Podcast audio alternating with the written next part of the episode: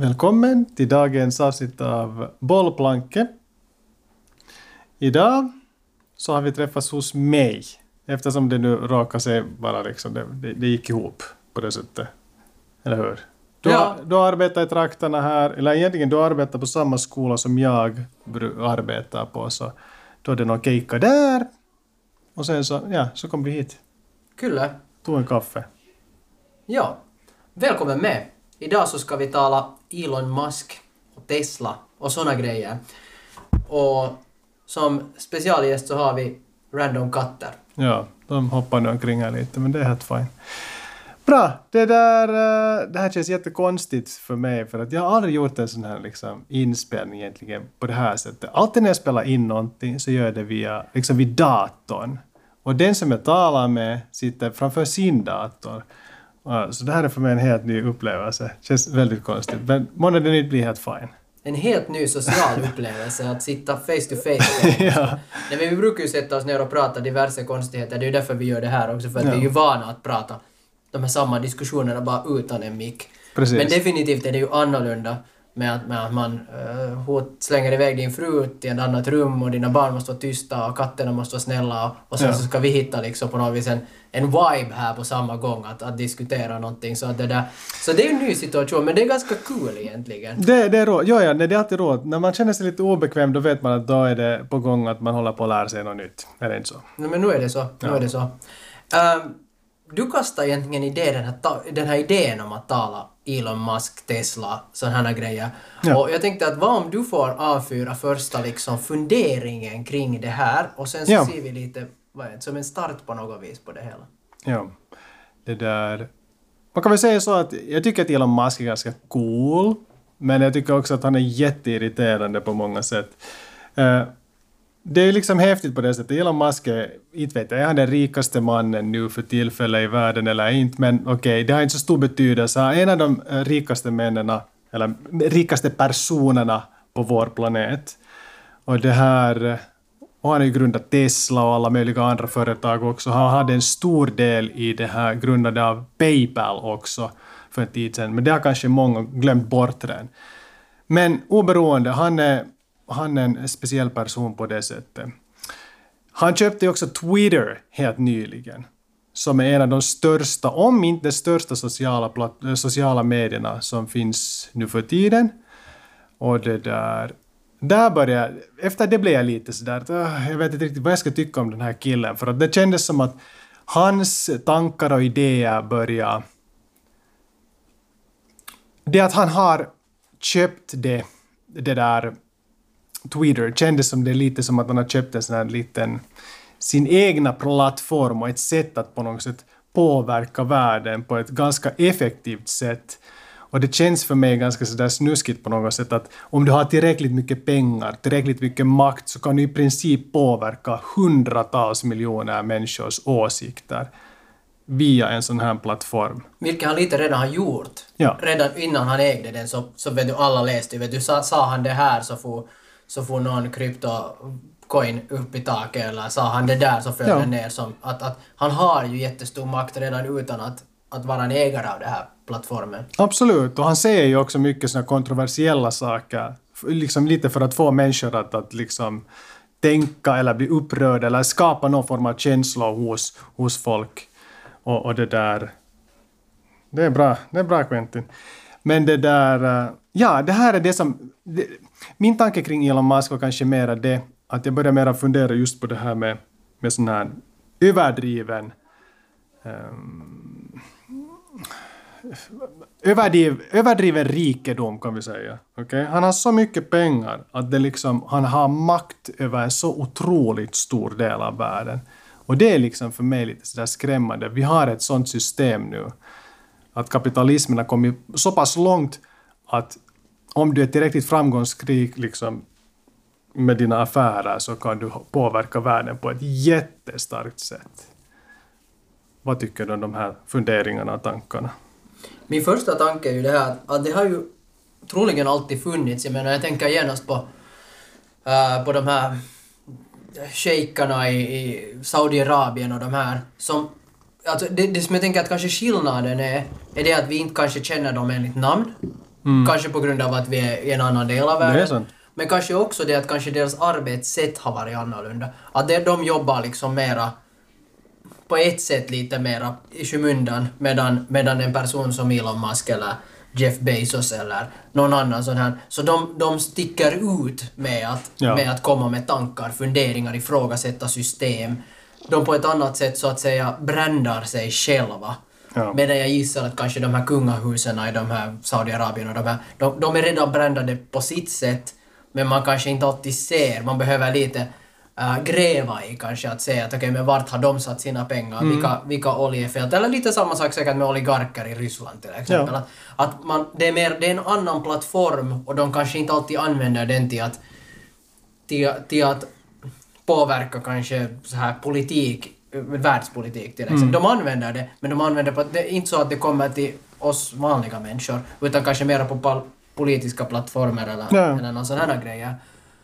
Um, så, så jag funderar liksom att på det viset är ingenting nytt, men på det viset det att man skapar kanske en profil på ett annat sätt genom sociala medier som, som gör att gemene man kan, och kvinna och person kan göra liksom, kan påverkas och kanske också göra beslut vilket, vilket kan vara lite farligt, tänker jag redan. Ja. Att som med till exempel med investeringar. Att, Mm. att, eh, och det här har ju ifrågasatts många gånger just till exempel med Elon Musk, att när han har sagt någonting om någon viss... Dogecoin, Alltså, Dogecoin har ja. han liksom skrivit bara.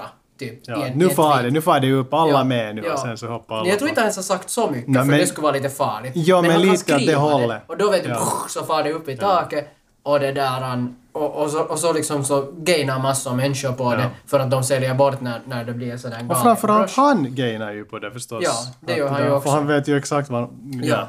Så att det där... eh, och och jag tror faktiskt att det har varit mycket liksom, att han har nog varit liksom under luppen på grund av det här. Att vad är det man kan säga och vad är det som gör att man inte liksom så att säga Mm. um, interfere, alltså man på något vis liksom påverkar uh, Ja. sådana grejer. Um, för det får man ju inte göra. Nej. Men, eh, men vad var din grundfråga? Nej, det var bara en sån där tankeställning, liksom just det där att, att det kom, vi har kommit så långt liksom i, i, i det här sättet, eller den här, eh, ska vi säga, den kapitalistiska världen vi lever i, att det blir de där de som är rika blir liksom, de är så snuskigt rika och de blir bara rikare och rikare hela tiden och de där inkomstklyftorna blir liksom helt, helt otroliga liksom. Vi kan inte ens förstå hur den här summor det handlar om mera. Och sen också den här saken som du lyfte upp det där att, de här, att det här fenomenet har ju funnits länge. Att, att, att med pengar får man makt. Det är ju liksom, jag ser det som att pengar är makt i princip. Att du har ju mera frihet, mera alternativ desto mera pengar du har.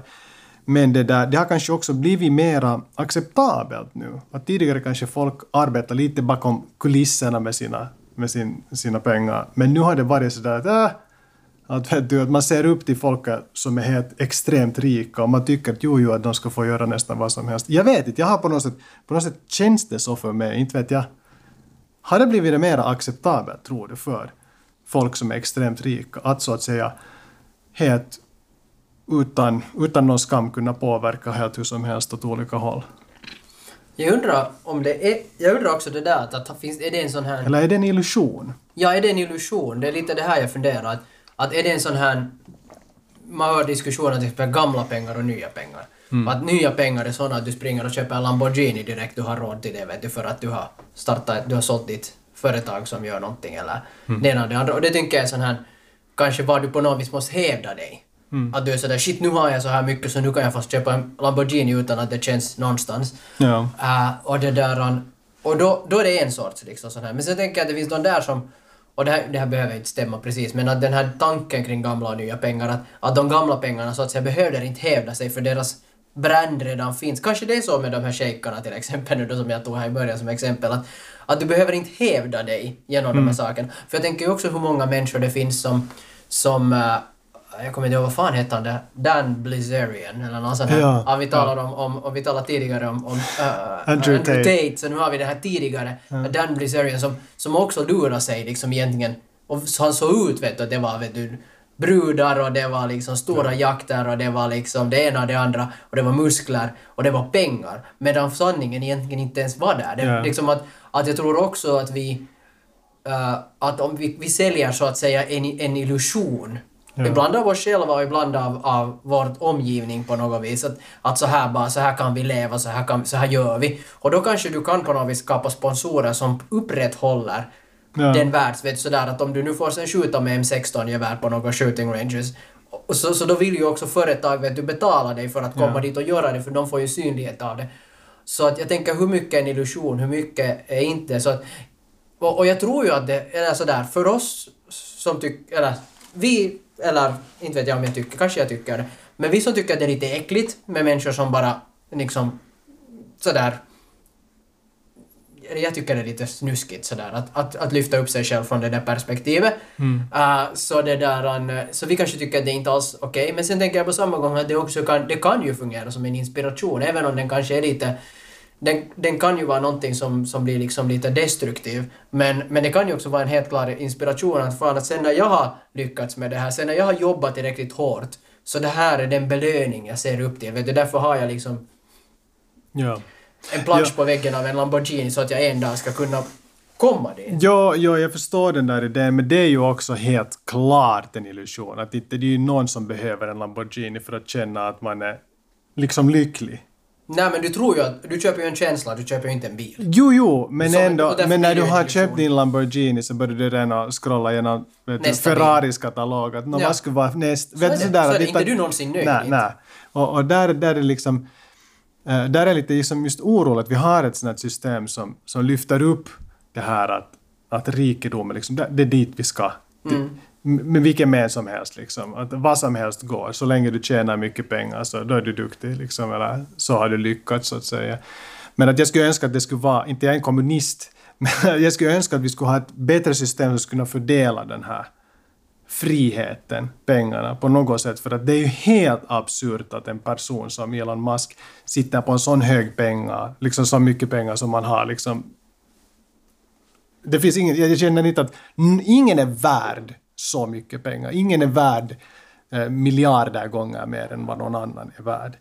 Om vi ser det på det sättet. Men samtidigt vill jag också lyfta upp en positiv sak. Jag tycker att Elon Musk är väldigt ins, eh, ger mycket inspiration kanske för framtiden. Just med det här att han, han tänker ju alltid på framtiden, framtidsvisionär på det sättet. Lite med det här Mars, kolonisera Mars. Men också elbilar och ta, liksom, göra det mera, mera effektivt. Flamethrowers. Nåja, han, han, ja, han tycker om att hitta på såna dumheter också. Och det är ju helt roligt det också. Jag menar, det är lite underhållning. Men med mycket sånt här solpaneler och, och liksom, han försöker liksom Hitta lösningar på hitta problem. lösningar på olika problem. Och oftast så är det ganska bra, effektiva och fiffiga lösningar, tycker jag själv. Men samtidigt tänker jag också det att vad om det inte skulle vara en sån karaktär? Det skulle kunna, han, han skulle kunna ha, om någon riktig crazy typ har sådär mycket pengar. Nå, vi har ju kanske en sån typ just nu. Eh, liksom Putin, han är också en av de rikaste männen i världen. Om man nu använder Rysslands liksom, pengar som sin egna, sina, sina egna pengar så vilket det lite verkar. Nu gick vi, nej, dit ska vi inte gå nu. Men åtminstone, så då blir det sådana villains också i princip som skapar en massa oro och liksom död och liksom allt möjligt hemskt i världen. Att, att, mm. Jag, jag har ju inte sett den här dokumentären, men jag tänker automatiskt så går ju den här tanken till den här, det här att när... Man säger ju att, att, att makt korrumperar äh, och total makt blir total korruption. Och, och då tänker jag ofta att när är det som man... Det, det, det är ju ett spektrum, men när är Ja. det så att säga som att där, man överstiger den där gränsen på något vis? Att, när, att lite som du var inne på här, för att gå tillbaka till, till, till Twitter, att det där, när är det som man går över en sån där gräns var man kanske inte mera har en vad man förstås kanske själv tror att man har äh, samhällets bästa i åtanke, men, men på något vis kanske har tappat en viss, ett, en viss liksom bredd i Ja. den här liksom, i det som man håller på med. Det känns som att demokratiska aspekten försvinner sen Ja. till och med. Att de där pengarna är så starka att du kan bara klämma dig genom demokratin där. Att nu var ju Twitter tidigare en, ett, ett aktiebolag och nu är det privat. Så Ja. att han ska ha makten. Liksom, det, ja, mm, Han, han har sagt så här, ja. på tal om att jag tycker om att hitta in, kasta in quotes. Let's do it. I think there should be regulations on social media to the degree that it negatively affects the public good. Jag måste riktigt fundera här. Ska vi alltså reglera eller liksom så att säga kontrollera, kontrollera eller begränsa social media till den grad att det på något vis negativt påverkar äh, den här liksom allmänhetens liksom större Allmänhetens bästa. bästa så att säga? Uh, alltså nu måste vi ju reglera det på något sätt. Och det måste finnas en demokratisk process där och någon form av värderingar. Det kan ju inte vara en persons värderingar och åsikter som, som styr. Och, och jag tycker att man har ett visst moraliskt ansvar om du har kontroll över någonting som, som Twitter. Och det känns, jag har ingen aning, men det känns lite sådär som Twitter kanske inte har någon form av sån här etisk eh, liksom, panel eller något sånt här. Inte vet jag hur etiska någon Facebook eller Instagram eller något sånt här har och hur mycket de funderar på de sakerna.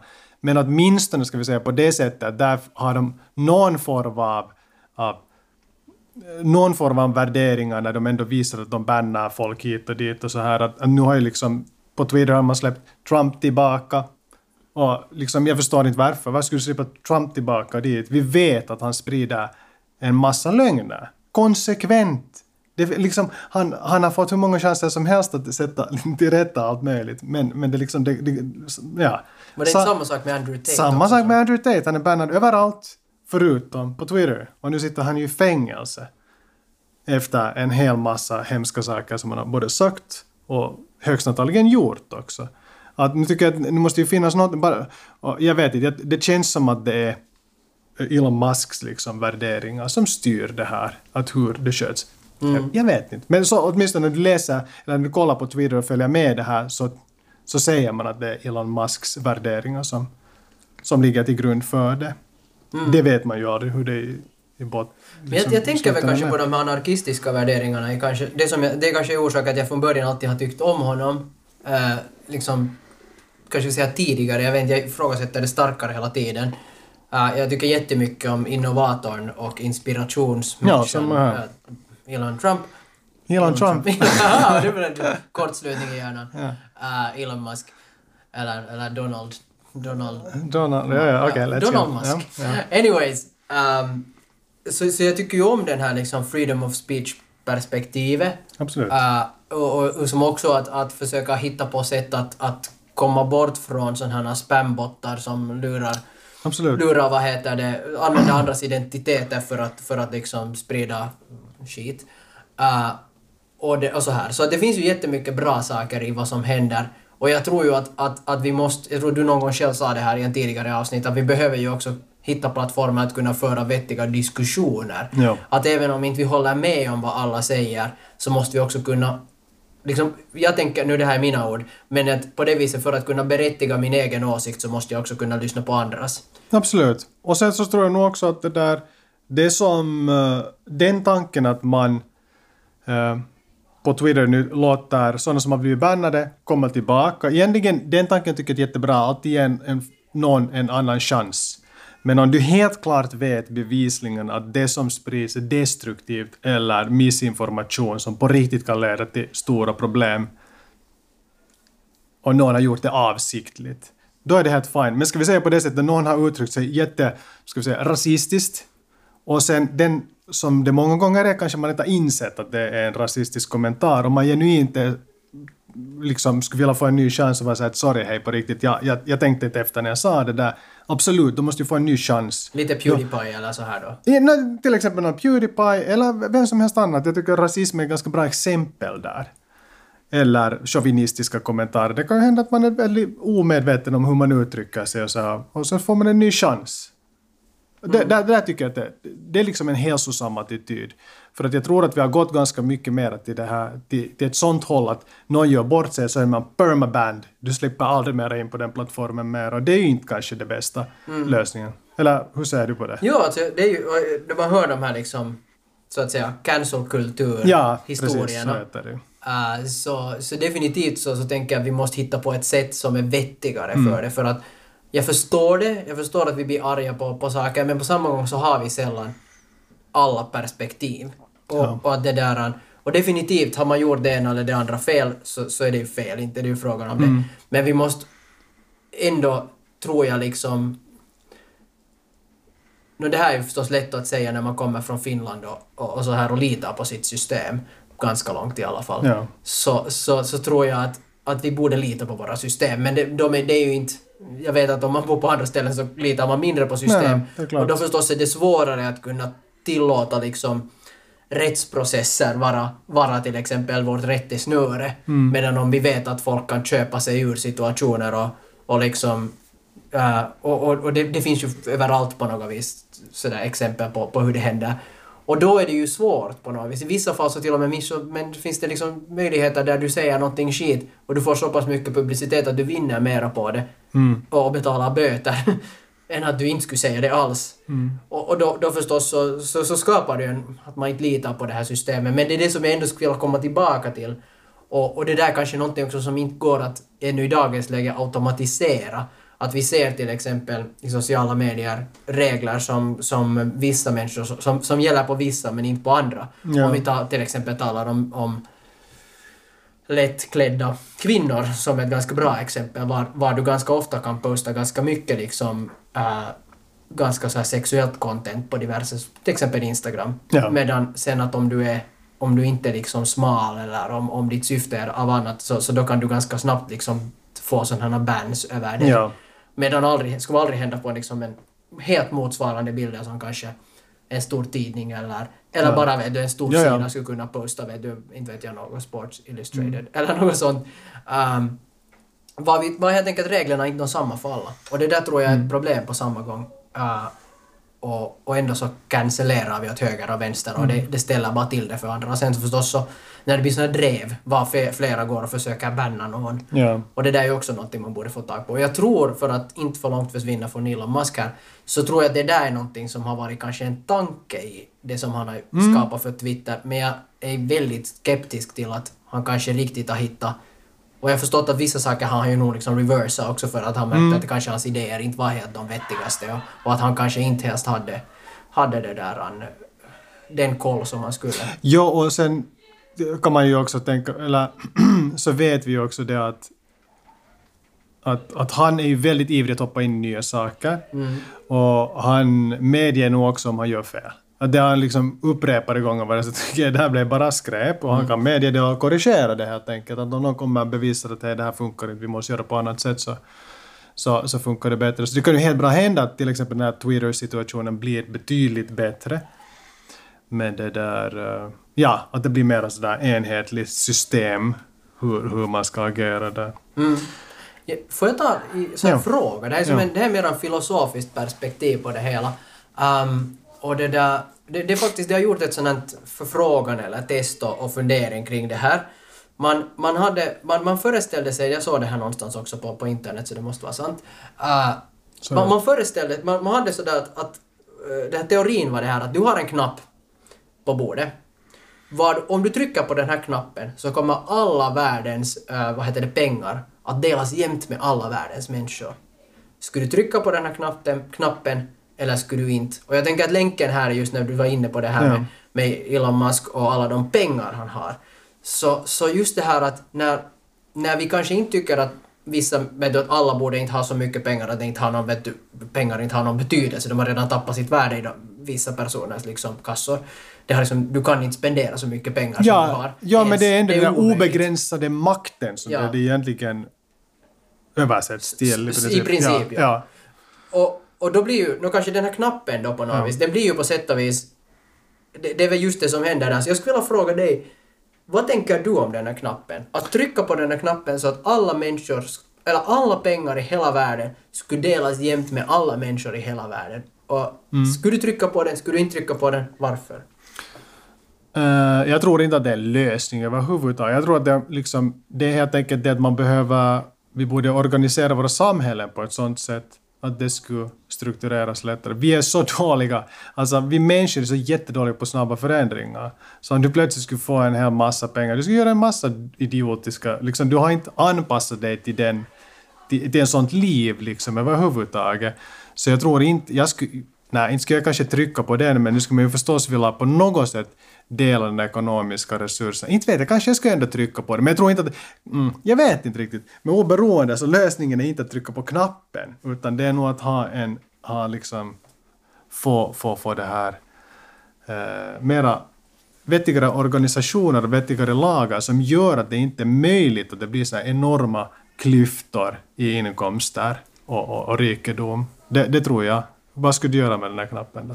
Uh, jag, funderar, jag funderar ju också mycket på det där och, och det där han, uh, innan jag egentligen han han vad heter det, desto mer fundera på det så, så, så var det någon som lyfte upp liksom vad, att det har, det har liksom mer att tittas in i det och så kanske jag på det viset formar mina tankar kring det. Men, men det som jag ju tänker med att, att tryck, just, jag tycker du har en jätteviktig point i det där att, att om vi bara skulle liksom kasta en massa pengar på vissa människor och vissa människor skulle bli sjukt fattiga liksom förhållandevis. Mm, no, Uh, ingen där- skulle ju bli fattig men att... Ja, no, inte sådär nej. Men, men det skulle ju ändra helt totalt Ja, deras. Vet ja. jag tänker att om Coca-Cola mitt i allt, alla deras pengar delas li, li, lika med, Mm. procentuellt med hela världen på något vis, så de skulle ju påverka hela deras infrastruktur på företaget till exempel. Ja. Och det där... Uh, så, så jag funderar jättemycket på det där att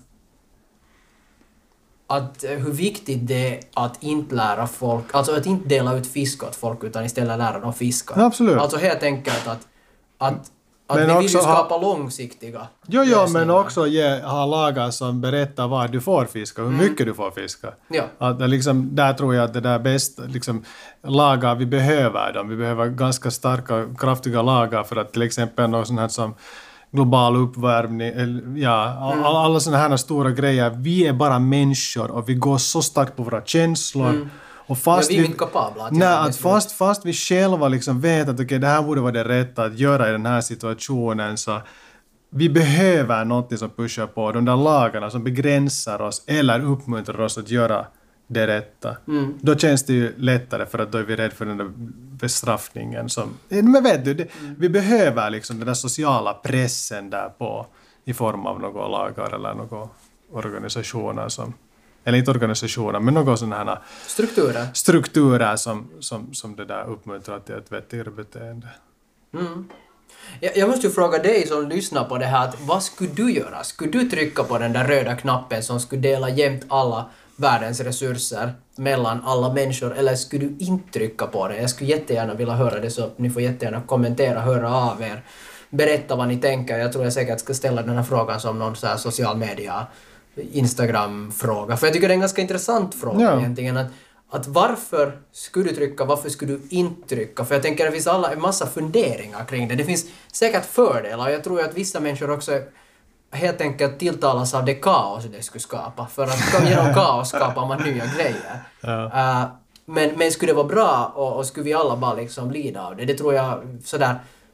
Jag, jag skulle inte trycka på den röda knappen. Det, det måste jag väl säga. Sådär att, att uh, det, det känns nog lite som att jag inte... Jag vet för lite för att trycka på en knapp. Ja, men jag har sam, samtidigt så när, genast när jag, säger, när jag tänker den här tanken att jag skulle inte göra det så tänker jag på alla fattiga människor i världen. Som Men- skulle tacka dig för det. Eller som Nej, skulle liksom ha nytta av Ja, som att, att, att hur egoistiskt är det inte på något... Eller jag vet det sådär, det, det är den där första flashen jag får. Alla andra så är jag inte så hemskt orolig över. Men jag tänker att de här som verkligen har det knepigt, att, att det skulle lösa så mycket problem för, tillfä- liksom för stunden, ska vi säga. Men, Det var någon som hade frågat frågan av Elon Musk kring Mm. det här att... Eller jag tror det var så att han hade väl på något vis twittrat då eller någonting om det här att...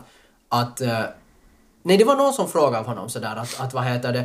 Att när du har så jävla mycket pengar så skulle du inte kunna liksom... eh, liksom sl- eh, få slut på, på hungersnöden i världen. Mm. Och, och så hade han typ twittrat tillbaka att, eh, att ge till mig en jättebra plan för att hur det skulle kunna göras vet. så, så kommer jag definitivt bidra. Ja. Och, det där, och så var det en, en organisation som hade sen då svarat på det här. Mm. Vad de har alltså en helt uträkning och plan för hur man skulle kunna, hur man liksom, Ja. så att säga, vad skulle krävas för, för att, äh, för att äh, utplåna hungersnöd i världen, Mm. så att säga. Och det där, an, äh, nu vet jag inte hur det gick Nej, det här. var det här det blev liksom ja. just fascinerande. Jag kommer inte ihåg liksom hur det för de gav ju en helt klar plan att men, det här behövs. Och, och han hade så att säga meningen för att i princip bidra liksom ganska stort, eller var det inte om, Ja. om inte möjligt allt typ för Ja. det. Och det där, jag kommer inte ihåg hur det gick. Du, kommer du ihåg det? Ja, alltså jag, jag kommer ihåg den där grejen, men jag måste ju medge att jag, jag, jag det där avinstallerade Twitter och, och, ja, och cancellade mitt konto bara för att jag blev så frustrerad på, på på just att vissa av de här totala tyrannerna blev insläppta dit igen, så bara av en liten sån där äh, protestreaktion så, så hoppade jag av där. Men jag vet inte vad som ledde. Jag tror nog att vi skulle ha hört mer om den där situationen om det skulle ha lett till någonting. Men det, det, det kanske det ännu håller på. Och sen är det väl just så som man tror ju att det skulle hjälpa bara vet du, pff, vet du Ja. på något vis airdroppa en massa cash på folk. Det, det ser vi till exempel när ja. USA airdroppa. Var det, jag kommer inte ihåg, var det tusen eller var det mer som de airdroppade till alla sina, vet du när de, hade, de ville att folk skulle spendera mera på grund av att deras inflation här, för ett par år sedan så det airdroppade så helvete med pengar åt alla. Mm. Eller inte så helvete, men en, en, en, en, liksom, en ansenlig bonus för att Ja. vara en, vad heter det, citizen of America. Ja. Eller United States. Och och det som människor spenderar dem på, så var ju största delen folk gick och köpa TVn. Liksom det tog slut på TVn och Playstations på, på liksom i butikerna. Så jag menar, inte gör ju folk vettiga beslut. Även om man airdroppar en extra slant åt dem. Nej, nej. Och, och sen fanns det ju de som då förstås investerade och det ena och det andra. Men Ja, ja, det här men- är jätteintressant egentligen. Men det är just det där, det via nya strukturer och utbildning och sådär, att, att det där just att trycka på den röda knappen så inte ändrar det någons konsumtionsbeteende eller Nej. liksom sådär. Det, ja. Men se på de som vinner på Lotto. Jag tror att jag kommer inte ihåg vad den där procenten är nu, men det är en jättehög procent som Mm. inom fem år har mindre pengar än vad de hade innan de vann Mm. på Lotto. Ja, någon statistik det där som jag såg var det 70% av de som har vunnit på Lotto liksom helt absurda summor. Jag tror det här var jänkerna det här. Uh, 70% var liksom var panka inom 10 år. Och där har de ju helt löjliga pottar man kan vinna. Liksom helt astronomiska summor. Det handlar ju om hundratals miljoner. Men att det där, så här är vi. Att vi behöver nog lite utbildning för att kunna hantera de där situationerna. Ja, inte vet jag. Nu ska man, jag undrar, det ska, vara- jag har nog funderat många gånger, hurdan skulle man månne bli om man skulle vara i en sån situation, om man skulle ha så där mycket cash? Man skulle nog säkert bli en total skitstövel. Det beror väl igen på hur du har fått dem. Är det inte så? Jag vet inte. Och det är kanske det som också är det där knepiga nu som jag ville klämma in här tidigare, men som jag skulle snabbt kunna kommentera, är det att en skillnad kanske från de här folk som var rika förr och folk som är, har blivit rika nu, är det att de som har blivit jätterika kan ha blivit det på ett fåtal år. De har vet du, hittat en nisch och sen genom den globala ma- marknaden har de bara exploderat. Och så har de från att vara, komma från en låginkomsttagarfamilj till en liksom att de är... Man måste ju bli lite koko av det. Nej, definitivt, för det ändrar ju hela gamet Ja. för en själv liksom och så här. Det gör det. Oj. Jag tror vi börjar komma till slutet av dagens avsnitt kring Elon Musk och Ja. pengar och, och, och sånt. Och det där, jag vill tacka dig som har lyssnat. Tack Benjamin för den här diskussionen. Roligt att vara här och hälsa på dig och dina katter och din familj. Det var riktigt kul. Nu kommer postiljonen också och tacka för sig. Shit, älskar. riktigt bra. Du får säga tusen tack så mycket. Hör av er om ni vill höra något mer av, av podden och något diskussionsämne eller någon person ni skulle vilja att vi skulle di- diskutera som ni tycker att skulle vara intressant. Benjamin ropar hej då. Peace out.